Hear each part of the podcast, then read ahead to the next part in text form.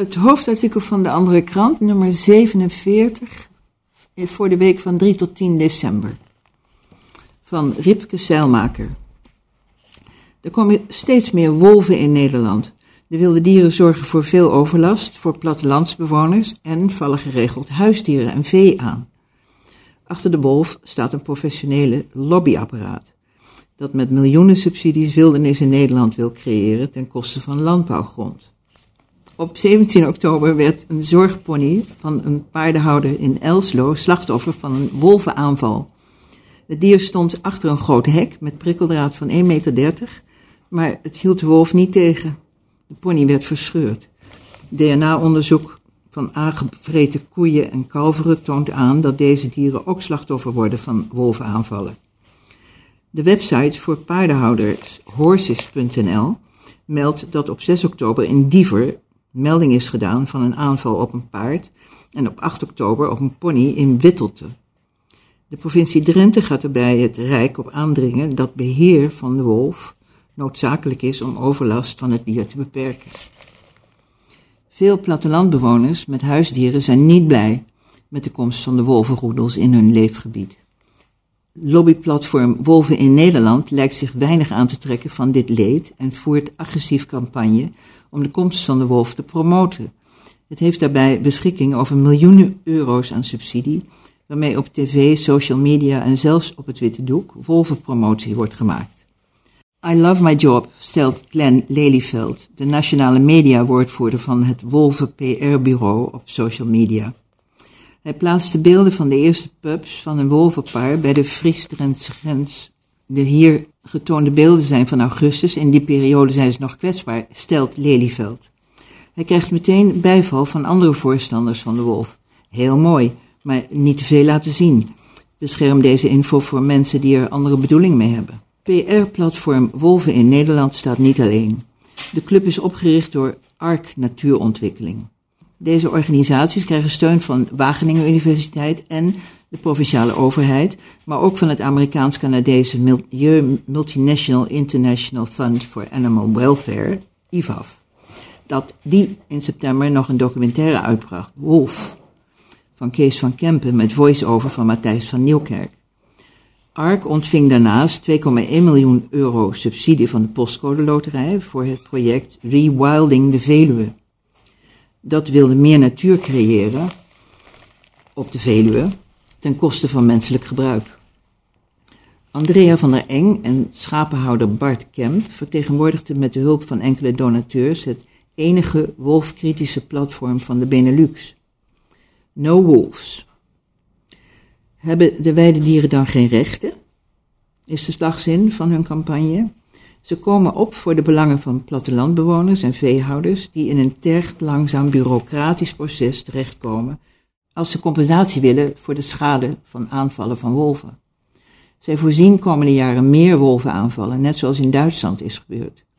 We constateren een herhaling van de verkooppraatjes die we eerder in Duitsland zagen. Tot 2015 ging het er goed, omdat er nog grote lege gebieden waren, zoals in Oost-Duitsland. Toen de wolven het cultuurlandschap gingen opzoeken, ging het mis. Dat zie je nu ook in Nederland gebeuren. Veehouders krijgen hun gedode dieren pas vergoed als een wolvenconsulent bij de provincie heeft vastgesteld dat ze voldoende wolfwerende hekken en rasters hebben geplaatst. En pas nadat de bij Wageningen Universiteit via DNA-testen bij gedood vee de doodsoorzaak is vastgesteld. Die gang langs de wolvenbureaucratie kan 16 weken duren, volgens de website van Bij 12. Het provinciale wolvenklachtenloket van de Eng en Kemp zijn kritisch. Wij hebben een lijst opgesteld met opvallende aanvallen achter vermoedelijk wolfwerend raster. Deze is aan bij 12 gestuurd. Bij één aanval zijn we er zeker van dat de schapen achter goede wolfwerende rasters stonden. De slimme wolven blijken dus niet door hekken te worden geweerd. Alleen al van 20 tot 26 november sneuvelden nog zes andere landbouwhuisdieren, verspreid over wolvengebied in Nederland.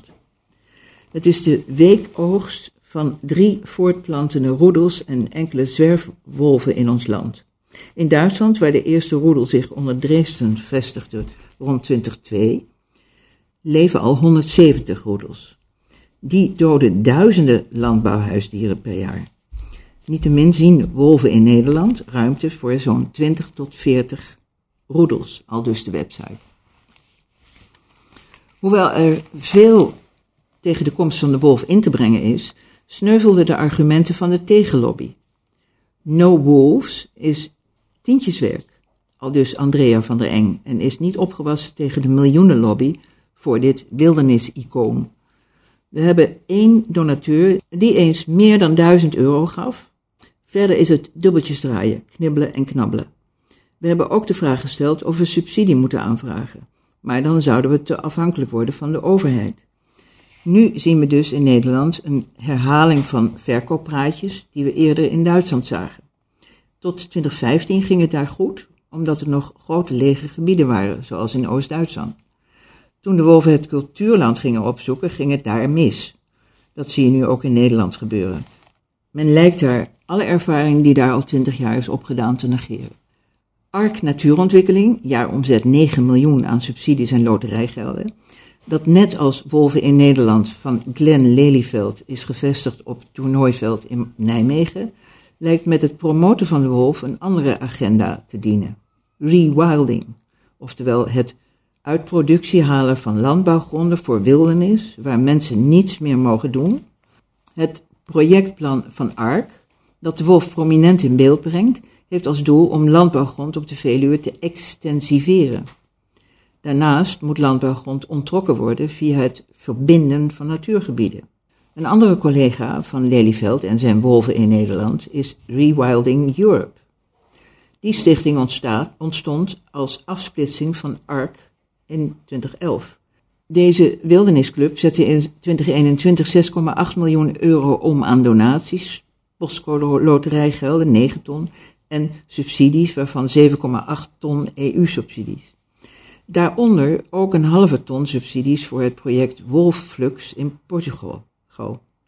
Het recept is hier wederom dat natuurgebieden verbonden worden, dus dat agrarisch gebruik en menselijke jacht tussen natuurgebied moet verdwijnen. Sinds het Europese parlement in 2009 een wildernismotie aannam voor tenminste 10% wildernisoppervlakte op Europees platteland, zijn diverse lobbyinitiatieven als Rewilding Europe opgestart. In Nederland gaf Sharon Dijksma als LNV-staatssecretaris in 2014 de wildernislobby een duw. Zij liet de wolf tot strikt beschermde diersoort verklaren onder artikel 3.2 van de Natuurbeschermingswet. En dat betekent dat een wolf op je terrein niet aan verstoring mag blootgesteld worden. Ook moeten terreineigenaren na melding van een wolvenwaarneming bij de zoogdiervereniging een ecoloog op hun terrein toelaten voor monitoring. Dat houdt in onderzoek door een deskundige naar de verspreiding en het gedrag van de wolf op je terrein. Volgens het vakblad Binnenlands Bestuur zijn met die monitoring ruim 7 ton euro onkosten gemoeid in 2023.